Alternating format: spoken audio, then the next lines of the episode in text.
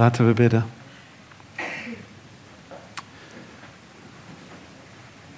Hemelse Vader, we zijn u zo dankbaar dat we uw woord mogen openen. En uh, dat we verder mogen gaan in de Filipijnse brief.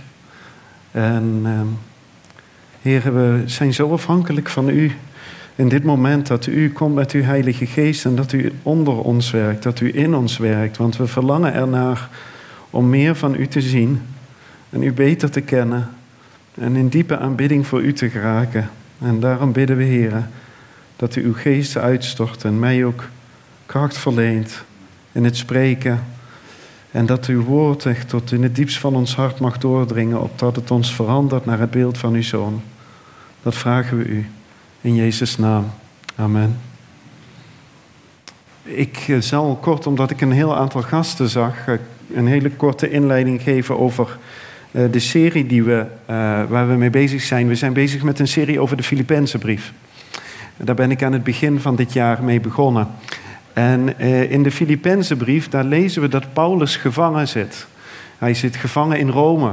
Daar zit hij vastgeketend aan een andere soldaat. En dat ieder uur van zijn gevangenschap. En Paulus schrijft deze brief, zo goed als zeker helemaal aan het eind van zijn leven, vanwege alles wat we zien dat hij in de Filipijnse brief schrijft. En um, het is uh, heel bijzonder om te zien dat er in deze brief door Paulus misschien wel het meest gesproken wordt over vreugde. Er wordt in deze brief misschien wel het meest door Paulus geschreven over vreugde dan in welke andere brief dan ook. Dat is op zich al bijzonder als je ziet in welke situatie Paulus zich bevindt. En toen we aan het begin van dit jaar begonnen met uh, deze uh, serie over de Filipijnse brief, toen gaf ik aan dat de Filipijnse brief een brief is waar heel veel bijzondere Bijbelversen in te vinden zijn. Bijbelversen die velen van ons misschien uit het hoofd geleerd hebben, omdat ze zoveel kracht geven of zoveel troost geven. En we zijn nu aangekomen bij een van die versen, waar we zoveel hoop en ook kracht en ook troost uit mogen putten. En eh, dat vers dat is in uh, Filippenzen uh, 1, vers 21. Daar zijn we aangekomen. Het vers past ook bij ons jaarthema, samen leven in zijn aanwezigheid. En het vers is, zoals veel versen in de Bijbel, een vers dat makkelijker uitgesproken wordt dan dat het geleefd wordt. En um, ik noemde net in het begin van de dienst al uh, daar iets over. Um, mijn leven is Christus en mijn sterven is winst. Dat is het vers in vers 21. Nou, de dood is iets waar niemand van ons mee geconfronteerd wil worden. En, uh, maar wel iets wat we tot ons grote verdriet vaak tegenkomen. Uh, of het is hier in onze gemeente, of het is bij familieleden of op andere plekken. En de vraag die ik me vaak gesteld heb, uh, en voor, voordat ik de Heer Jezus zelf mocht leren kennen, maar ook uh, toen ik Hem al kende, is: maar wat gebeurt er nou na het sterven? Wat gebeurt er nou als ik mijn laatste adem uitblaas? God leert ons heel duidelijk in de Bijbel, en ik wil kort naar Daniel kijken, een vers in Daniel, en daarna gaan we naar de tekst van vandaag. In Daniel hoofdstuk 12, daar zegt uh, Daniel het volgende in vers 2. En vele van hen die slapen in het stof van de aarde zullen ontwaken. Sommigen tot eeuwig leven en anderen tot smaad, tot eeuwig afgrijzen. Het is best een heftig vers in, in Daniel. Maar wat we, waar het me om gaat, wat we hierin zien, is dat er een eeuwigheid is na dit leven. Er is een eeuwigheid. En we zien heel duidelijk in dit vers, eh, het liggen in het stof is natuurlijk een verwijzing naar het begraven zijn. En um, wat we daarin zien is dat er, een plek, of dat er maar twee plekken zijn waar we die eeuwigheid in kunnen doorbrengen. Maar in de hele Bijbel is het niet Daniel, maar is het de Heer Jezus zelf die wel het meest vertelt over wat er na dit leven komt. De Heer Jezus is degene die daar het meest over vertelt. Die veel vertelt over de hemel, maar ook over de hel en over de eeuwigheid van wat hierna komt. En Paulus, die die zich als het ware op een punt bevindt tussen dood en leven. Hij bevindt zich op een punt tussen dood en leven. Zo omschrijft hij het ook helemaal in die tekst die we nu gaan lezen. Paulus die schrijft ook over zijn mogelijke sterven. En daar gaan we nu over lezen, in vers 21 tot en met 24. En Paulus schrijft daar het volgende: Want het leven is voor mij Christus en het sterven is voor mij winst. Maar blijf ik leven in het vlees, dan betekent dit voor mij vruchtbaar werk. Maar wat ik kiezen zal, ik weet het niet. Want ik word door deze twee gedrongen. Ik heb de begeerte om heen te gaan en bij Christus te zijn, want dat is verreweg het beste. Dat is eigenlijk het verlengde van wat hij in vers 21 zegt. Het is mijn winst. Het is verreweg het beste. Maar in het vlees te blijven is noodzakelijker voor u. Hoe kan Paulus dit schrijven? Sterven is voor mij winst en heen gaan is voor mij verreweg het beste. En daar wil ik vooral uh, bij stilstaan samen met jullie. Dat we samen gaan kijken naar vers 21. Wat zegt vers 21 nou en wat kunnen we daaruit leren? Maar ook wat vers 23 zegt, omdat dat heel erg in het verlengde staat van vers 21. Ik wil bij drie plekken met jullie stilstaan. Het eerste is ons sterven. Ons sterven en daarna ons leven. En dan het derde is het bij Hem zijn. Wat betekenen deze drie, drie dingen? Nou, Paulus noemt het hier in deze verse al. Ik zal mogelijk op korte termijn sterven, zegt hij tegen de broeders en zusters in Filippi. Het moment dat ik heen zal gaan is mogelijk daar, zo omschrijft hij het. Paulus verstopt zich niet voor datgene wat komen gaat. Hij weet dat hij vastgeketend zit daar in de gevangenis aan een soldaat en de rechtszaak voor de keizer komt eraan. Hij moet zich verantwoorden voor wat er over hem gezegd wordt. En hij heeft het openlijk over wat er gaat gebeuren. Datgene waar veel van ons, of veel mensen zeker voor zouden vrezen als de dood komt. Maar zijn mogelijke dood is niet een taboe voor Paulus. Hij noemt het in zijn brief aan de Filippenzen. En wat hij daar zelf zegt is, we lazen het net, is dat hij begeert om heen te gaan. Hij begeert om te sterven.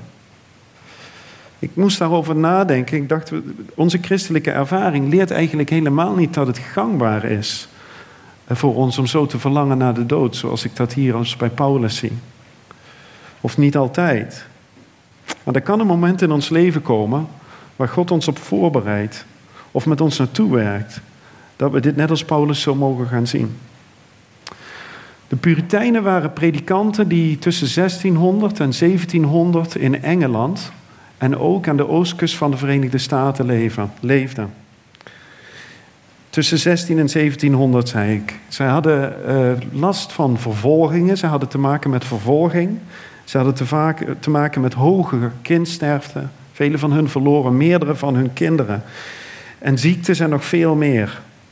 En maar zij zochten ernaar om voortdurend zo dicht mogelijk bij God te leven. Om bij Hem te zijn. Om met Hem te wandelen.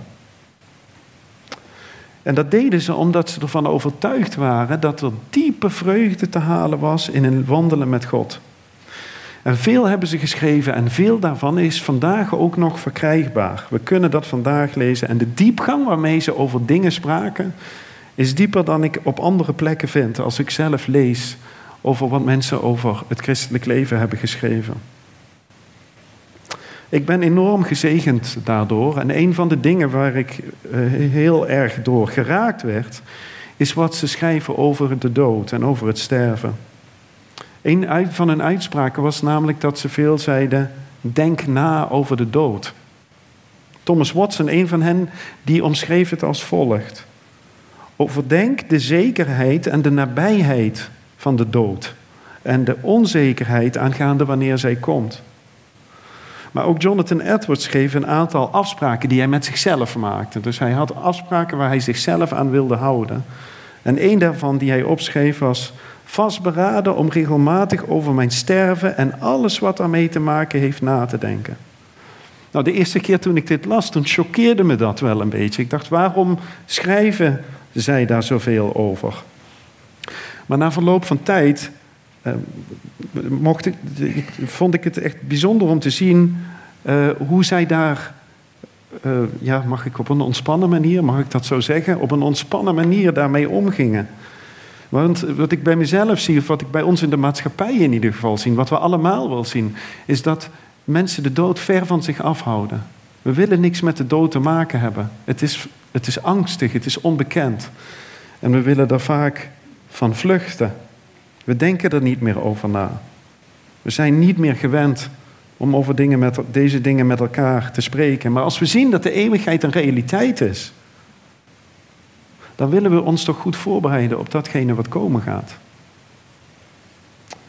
En dan zien we ook dat het leven kort is. Jacobus 4, vers 14 zegt: Hoe is uw leven? Het is immers een damp die voor een korte tijd verschijnt en daarna verdwijnt. Dus als we nadenken over ons sterven, dan gaan we dingen, denk ik, juist meer in een perspectief zien. Als we nadenken over ons sterven, dan gaan we nadenken over wat onze prioriteiten zijn. Waar wil ik mee bezig zijn in het leven? Als ik straks terugkijk en ik ben 70, 80, 90 jaar en ik kijk terug op mijn leven, hoe heb ik mijn leven ingericht? En als ik dan sterf, mag ik dankbaar zijn voor hoe ik geleefd heb. Dan zien we wat er wel te doet en wat er ook niet toe doet in het leven. Het maakt ons dan, het maakt het makkelijker voor ons om ook keuzes in het nu te maken. Want hoe wil ik terugkijken op mijn leven? Er wordt wel eens gezegd dat mensen sterven zoals ze leven. Is het leven een leven zonder God? Is het sterven een sterven zonder God? Maar is het leven een leven met God? En een volle hoop op God? Dan mogen we ook sterven met een overvloedige hoop op God. Ezekiel 18, vers 32 zegt het volgende. Ik schep immers geen behagen in de dood van een stervende. De Heer zegt dat. Spreekt de Heere, Heere, dus bekeer u en leef. Ons sterven is onomkeerbaar. En we zien hier in dit vers dat God er geen behagen in vindt, in het sterven. God verlangt ernaar dat we ons tot hem keren. En Paulus zegt, ik begeer het om heen te gaan. Hij beschrijft het sterven hier niet als doodgaan, maar omheen te gaan, omheen te gaan. En waarom doet hij dat? Hoe kan hij dat zeggen? Ik begeer het om te sterven. Ik zie er naar uit dat dat komt. Hoe kan hij dat zeggen? Als hij schrijft naar zijn leerling Timotheus in 2 Timotheus 1 vers 10, dan zegt hij tegen Timotheus het volgende: Onze zaligmaker, Jezus Christus, die de dood niet gedaan heeft. Jezus heeft de dood teniet gedaan.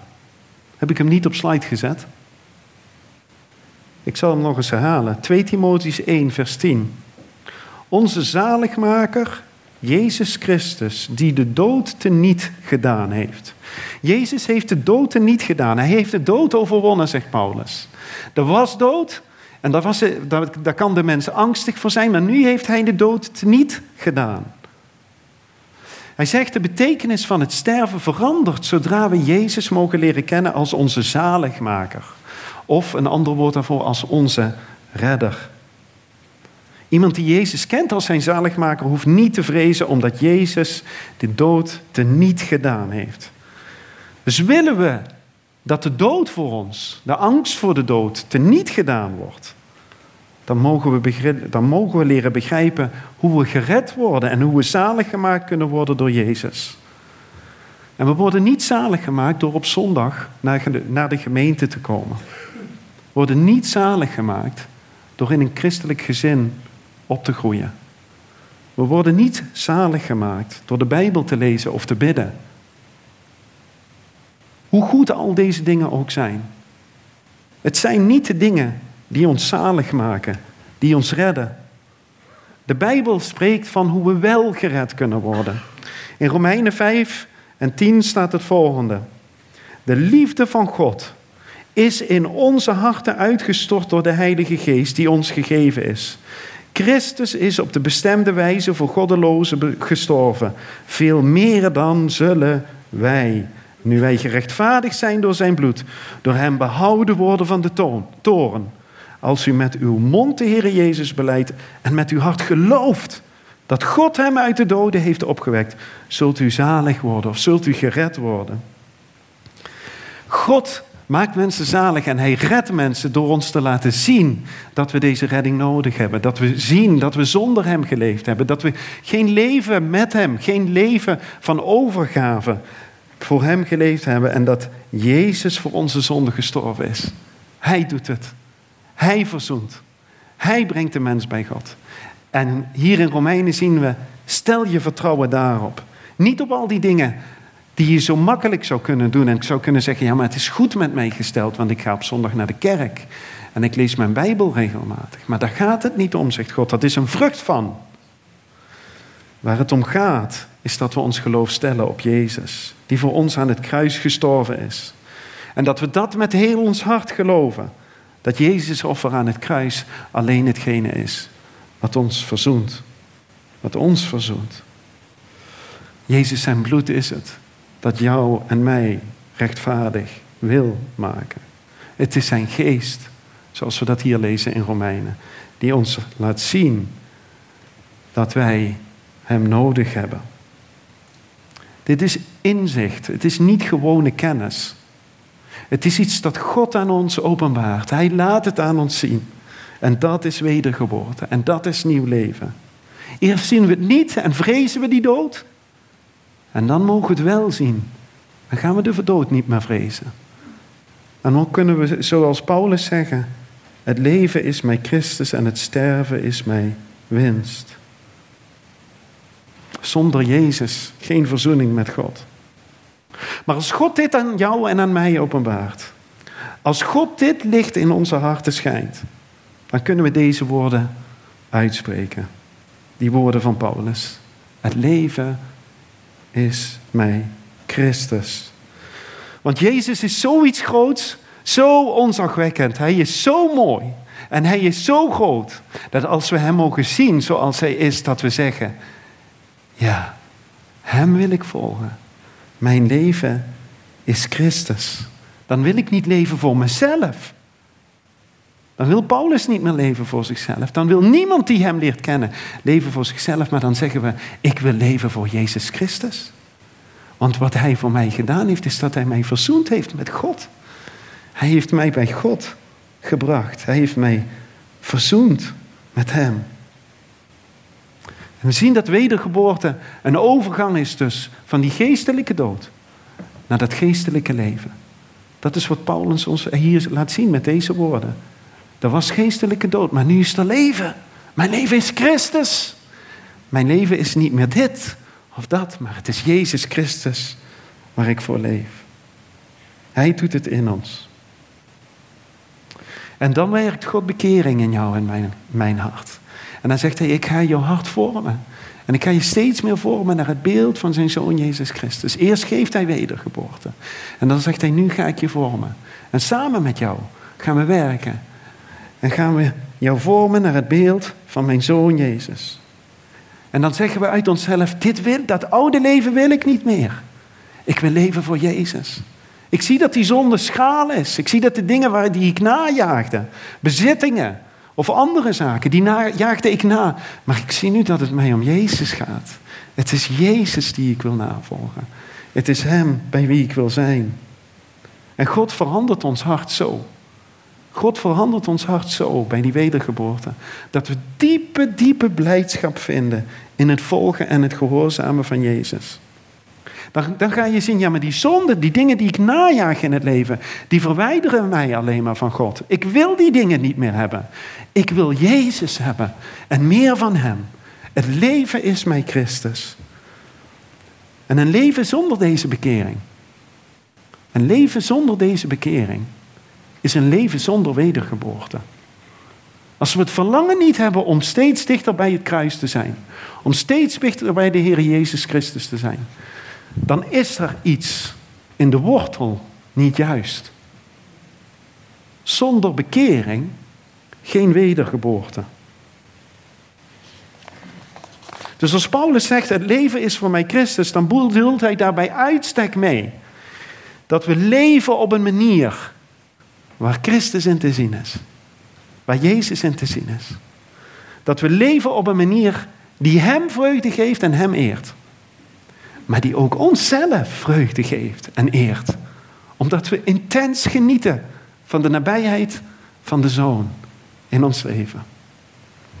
Hij zegt in Galaten 2, vers 20 het volgende. Ik ben met Christus gekruisigd en niet meer ik leef, maar Christus leeft in mij. En zover ik nu in het vlees leef, leef ik door het geloof in de Zoon van God die mij heeft liefgehad en zichzelf voor mij heeft overgegeven. Een christen leeft niet voor zichzelf. We zijn niet geroepen om voor onszelf te leven. We zijn geroepen om voor Jezus te leven. Hij heeft ons lief gehad en heeft zichzelf voor ons gegeven. En dit leven, zoals ik net ook zei, het geeft niet alleen Jezus vreugde, maar het geeft onszelf ook diepe vreugde als we Hem mogen kennen. Want als we Jezus echt kennen, als we echt weten wie Hij is, dat het niet alleen hoofdkennis is, maar ook hartskennis. Als we Hem voelen, als we Hem ervaren, als we weten dat Hij van ons houdt en dat Hij voor ieder van onze zonden betaald heeft. De zonden die we begaan hebben en ook de zonden die nog komen gaan. Als we dat weten, dan genieten we daarvan. Dan zeggen we, Heer, heeft u dat allemaal voor mij gedaan? En dan ervaren we diepe vreugde en grote blijdschap in ons leven. En de vraag die ik mezelf stelde toen ik me aan het voorbereiden was, ervaar ik dit zelf? Ervaren wij dit zelf? Ervaar je dit zelf in je leven? Die diepe vreugde, die blijdschap. Is dat toch? Toets jezelf daaraan. De vraag is van levensbelang. Want als we dit ervaren, dan is op zondagmorgen hier samen zijn is een feest. Omdat we Hem mogen ontmoeten in de, in de samenkomst hier. Dan is het samen bidden. Het samen naar de bidstonden komen is heerlijk. Want we ontmoeten de Heer Jezus Christus daarin. Dan is het samen met andere broeders en zusters zijn in de kringen, is diepe, diepe vreugde, want we ontmoeten de Heer Jezus Christus daarin. Dan is het lid zijn van een plaatselijke gemeente een immens voorrecht, want de Heer Jezus Christus is daar. Dan is het rondwandelen in de natuur een geweldige openbaring, want we zien Gods schepping daarin. En in al deze dingen mogen we de Heer Jezus Christus beleven. En het is de vraag of we dat kennen en we moeten onszelf daarop toetsen. Johannes zegt zelf: Ik zeg u deze dingen opdat u mag weten dat u de Zoon van God kent. Ervaar ik dit? Wil ik dat? Wil ik Jezus ontmoeten? Zie ik dat ik Jezus in al deze dingen mag ontmoeten? En gaat daar mijn verlangen naar uit, iedere keer opnieuw? Als je het niet zo beleeft, dan ervaar je het christenleven waarschijnlijk als allemaal regeltjes. En allemaal dingen die je moet doen. En dan heb je het niet geproefd. Dan heb je het niet geproefd. God wil niet dat we aan regeltjes voldoen. Hij zit niet te wachten met een checklist. Oh, is die wel naar de kerk geweest? Is die wel naar de bidstond geweest? Zo is de Heer niet. Hij wil een diepe, intense relatie met ons. Met jou en met mij. En dan is er vreugde, zoals Paulus dat zo vaak in de Filippenzen brief zegt. En aan het eind zegt, zegt hij ook weer, verheug je met mij, verheug. Er is blijdschap in het christenleven, om wat Jezus gedaan heeft. Voor jou en voor mij. En als je het niet ervaart, dan hoop ik dat je uitroept en zegt, ja heren, ik wil dit beleven. Ik wil dit kennen. Ik wil niet een leven van regeltjes leven. Ik wil vreugde vinden in u en wat u heeft gedaan voor mij. Ik wil me daarna uitstrekken.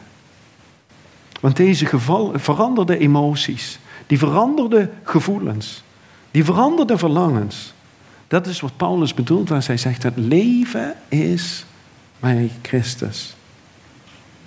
God wil als het ware zijn zoon uitstallen naar de wereld om ons heen. Hij wil zijn zoon presenteren.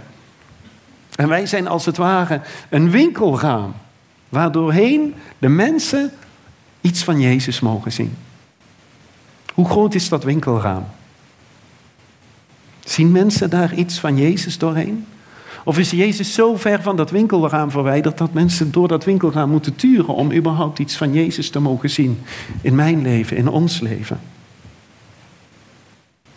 Hoe goed is Hij te zien? Kunnen mensen tegen ons zeggen: Kijk, kijk, daar zie ik iets van Jezus. Ik zie hoe diegene met anderen omgaat. Ik zie hoe diegene God wil eren in het leven. Ik zie dat daar iets van Jezus te proeven is in dat leven. Jezus zegt in de laatste dagen voor zijn kruisiging in Johannes 15 het volgende. Zoals de Vader mij lief gehad heeft, heb ik ook u lief gehad. Blijf in mijn liefde. Zoals u mijn geboden in acht neemt, zult u in mijn liefde blijven, zoals ik de geboden van mijn Vader in acht genomen heb en in zijn liefde blijf. Deze dingen heb ik tot u gesproken, opdat mijn blijdschap in u zal blijven en uw blijdschap volkomen zal worden. Zien we die woorden? Zoals de Vader mij lief gehad heeft.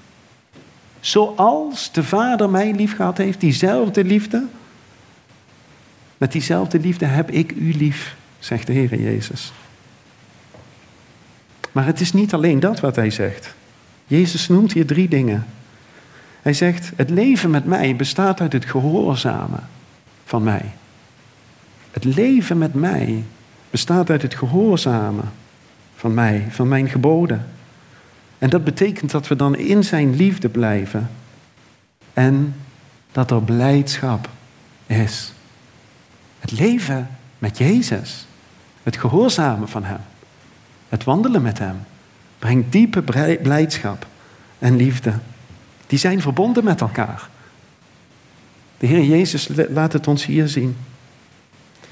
En Gods vrucht, dat het leven voor ons Christus is, dat we Hem gehoorzamen, dat we samen met Hem wandelen, samen met Hem blijven, betekent dat we diepe liefde en blijdschap ervaren.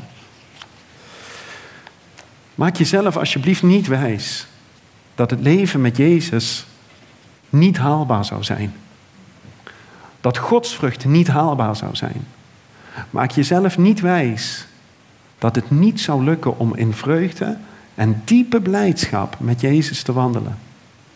Want God is het die het zelf mogelijk maakt door de krachtige werking van zijn Heilige Geest in jou. En het is maar om te vragen. Hij zegt: vraag het mij. Vraag het mij. Het leven met Jezus is haalbaar. Het dicht met hem wandelen is diepe vreugde en het is haalbaar voor ieder die Hem kent. God houdt ons niet iets voor wat we niet kunnen bereiken. Want dan zou Hij een leugenaar zijn.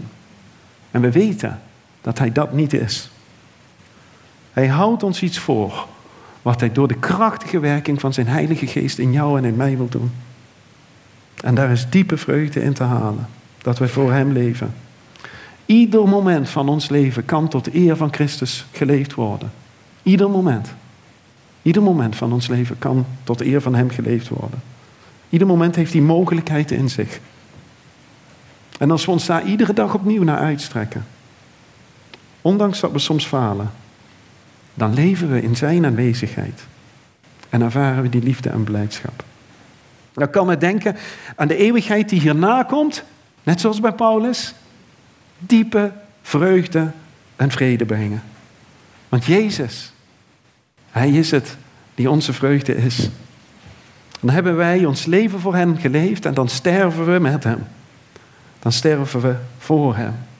En dan zijn we klaar om Hem te ontmoeten. En dan zeggen we samen met de Heer Jezus zelf: Vader, in uw handen beveel ik mijn geest.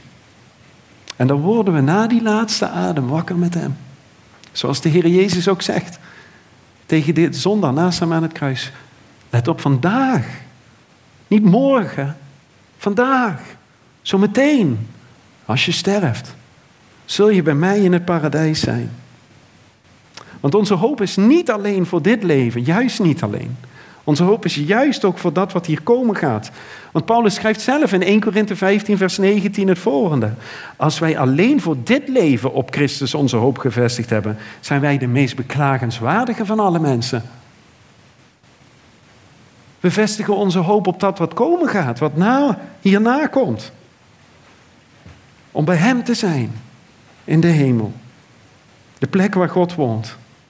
Een wereld van liefde. En toen ik daarover nadacht, moest ik denken aan hoe kan ik het illustreren. En bij een illustratie is het altijd zo dat, er, dat het niet, uh, ja, dat sommige dingen misschien uh, ja, scheef gaan of mank gaan, maar ik moest hier aan denken en ik vond het uh, een heel mooi beeld. Toen ik klein was, we waren met vier kinderen thuis, dan zaten we s'avonds aan tafel en ehm, mijn vader kwam soms wat later thuis van het werk. Hij maakte lange dagen. En dan kwam hij binnen en dan stond mijn moeder op. En wat mijn vader dan soms deed, is dan liep hij naar mijn moeder toe. En hij pakte haar vast en hij tilde haar op. En dat was echt een vreugdemoment bij ons in het gezin. Ze keken elkaar aan en er was diepe liefde tussen mijn vader en mijn moeder. En als kinderen zaten we daar en als kind voel je je dan veilig. Je voelt je geliefd. Je ziet die liefde tussen de ouders en je zegt, wat is dit mooi. Wat is dit kostbaar. En ik denk dat we daarin iets mogen zien van wat er in de hemel is. Er is een diepe liefde tussen de Vader en de Zoon en de Heilige Geest. De drie-enige God. God is liefde, zegt, zegt eh, het woord in 1 Johannes 4, vers 16. God is liefde. En er is een diepe, perfecte, volmaakte, onaflatende, eeuwige liefde tussen de Vader, de Zoon en de Heilige Geest. En als kinderen van God komen we dan binnen en dan zien we dat. En dan staan we verwonderd. En dan zeggen we, wat is dit mooi, wat is dit kostbaar. Een God van liefde. De God van liefde. En wij zijn veilig bij Hem. Wij zijn veilig bij Hem. En het mooie is, de vrucht van de geest, zegt Galaten 5, vers 22. De vrucht van de geest is liefde. Daar mogen we nu wat van proeven. Daar mogen we nu al getuigen van zijn. Maar dan is dat moment dat we dat zien, dat we bij God zijn. En dat we die perfecte liefde tussen de Vader, de Zoon en de Heilige Geest zien. En dat we zeggen, oh, wat is dit mooi. Maar die liefde van God gaat niet alleen uit naar Hemzelf. Hij gaat ook uit naar zijn kinderen. En hij zegt, ik heb jou net zo lief. Zoals we dat net lazen. Die liefde van de Vader voor mij, dat is de liefde van mij voor jullie, zegt de Heer Jezus. En die liefde is volmaakt. En daar mogen we in verblijven tot in eeuwigheid. Mogen we Hem zo zien, zonder belemmering. De hemel is een wereld van liefde. En daar mogen we zijn bij Hem. En Hem aanschouwen. En die stromen van liefde die van hem uitgaan, worden tot zeeën, tot oceanen. En daar mogen we in verblijven als zijn kinderen. Onbelemmerd, onbeschaamd mogen we daarvan genieten. En daar proeven we hier en nu soms al iets van. In ons samen zijn, in de kringen, in de bidstonden, in de erediensten, in onze stille tijd met God. En dan zeggen we, Heer, hier wil ik meer van. Zo overvloedig, zo volmaakt, zo onbelemmerd is uw liefde.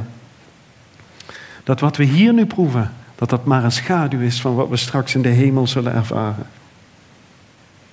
We zullen die liefde ook naar elkaar voelen. Dan zal de liefde naar elkaar ook volmaakt. Ook zonder gebrek en zonder ophouden zijn. In 1 Korinthe 13, daar staat, nu blijven geloof, hoop en liefde. Deze drie. Maar de meeste van deze, of degene die blijft, is de liefde. Geloof en hoop zullen we in de, in in de, in de hemel niet meer hebben. Want we zien dan. Dan zien we van aangezicht tot aangezicht. Dan zijn we bij Hem. Maar de liefde, die blijft tot in eeuwigheid. En we mogen naar God uitspreken, Heer, leer mij deze overvloedige liefde nog meer kennen. Ik wil het nog meer zien. Hoe u mij heeft liefgehad in uw Zoon Jezus Christus. Openbaar deze liefde meer en meer aan mij. Ik wil Hem zien tot een eeuwigheid. Aan Hem wil ik aanschouwen. Is dat niet een plek waar iedereen van ons verlangt om dan te zijn straks? Dat we tot in eeuwigheid bij Hem mogen zijn? Dat we kunnen zeggen, het heen gaan is mij straks winst. En dat God ons daarop voorbereidt, naar gelang de leeftijd of de situatie of de ervaringen die we hebben. Dan kunnen we zeggen, ja, De hemel is ons hoogste goed. Dan zullen we bij Hem zijn.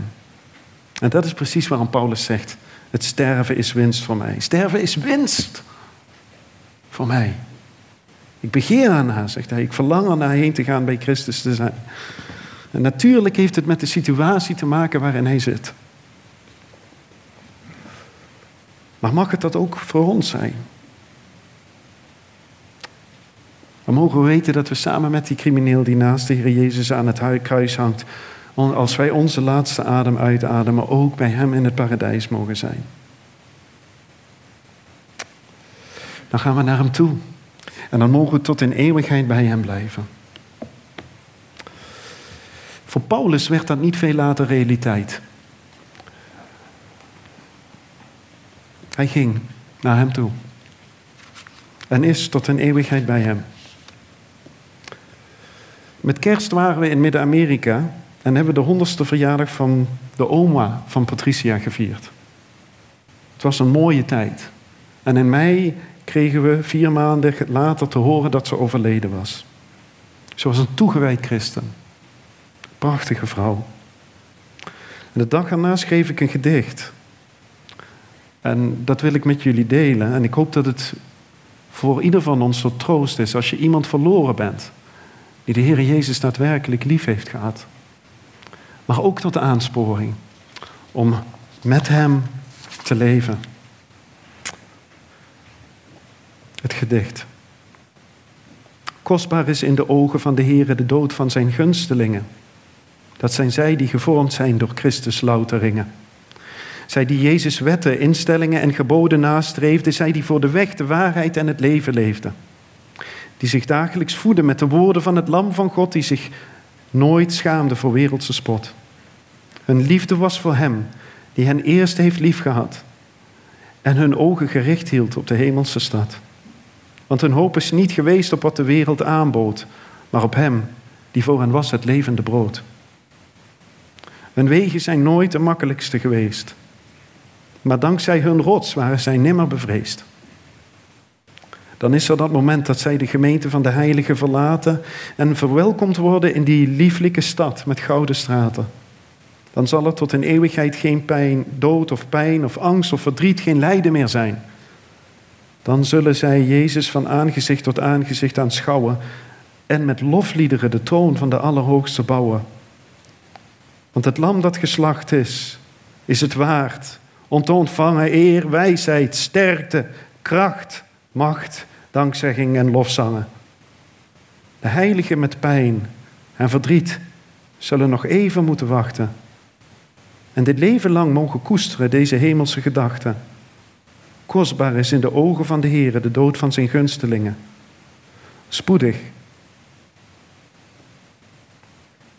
Spoedig zullen we samen zijn om het Lam Gods te bezingen. Onze Vader in de hemel. We zijn u zo dankbaar, Heer, voor uw woord. En we zijn u zo dankbaar dat we in ieder woord zo'n schat kunnen vinden. Over, eh, in ieder vers zo'n schat kunnen vinden aan rijkdom over uw Zoon Jezus Christus. En we willen u bidden, Heere God, dat u onze ogen op u richt. We zijn u zo dankbaar, Heer, dat we zo meteen het avondmaal mogen vieren en daarin mogen zeggen, ja, u bent het die voor ons gestorven is. Zodat wij de dood niet meer hoeven te proeven, maar dat we straks in een ogenblik in het paradijs mogen zijn bij u. En heren, wat een troost is, is om te weten dat onze geliefden die u hebben liefgehad al bij u zijn. En dat ze daar tot in eeuwigheid u mogen aanschouwen en mogen drinken uit die rivier, die oceaan van liefde. Heren, we danken u voor uw genade voor ons. En prijzen uw naam. In Jezus' naam. Amen.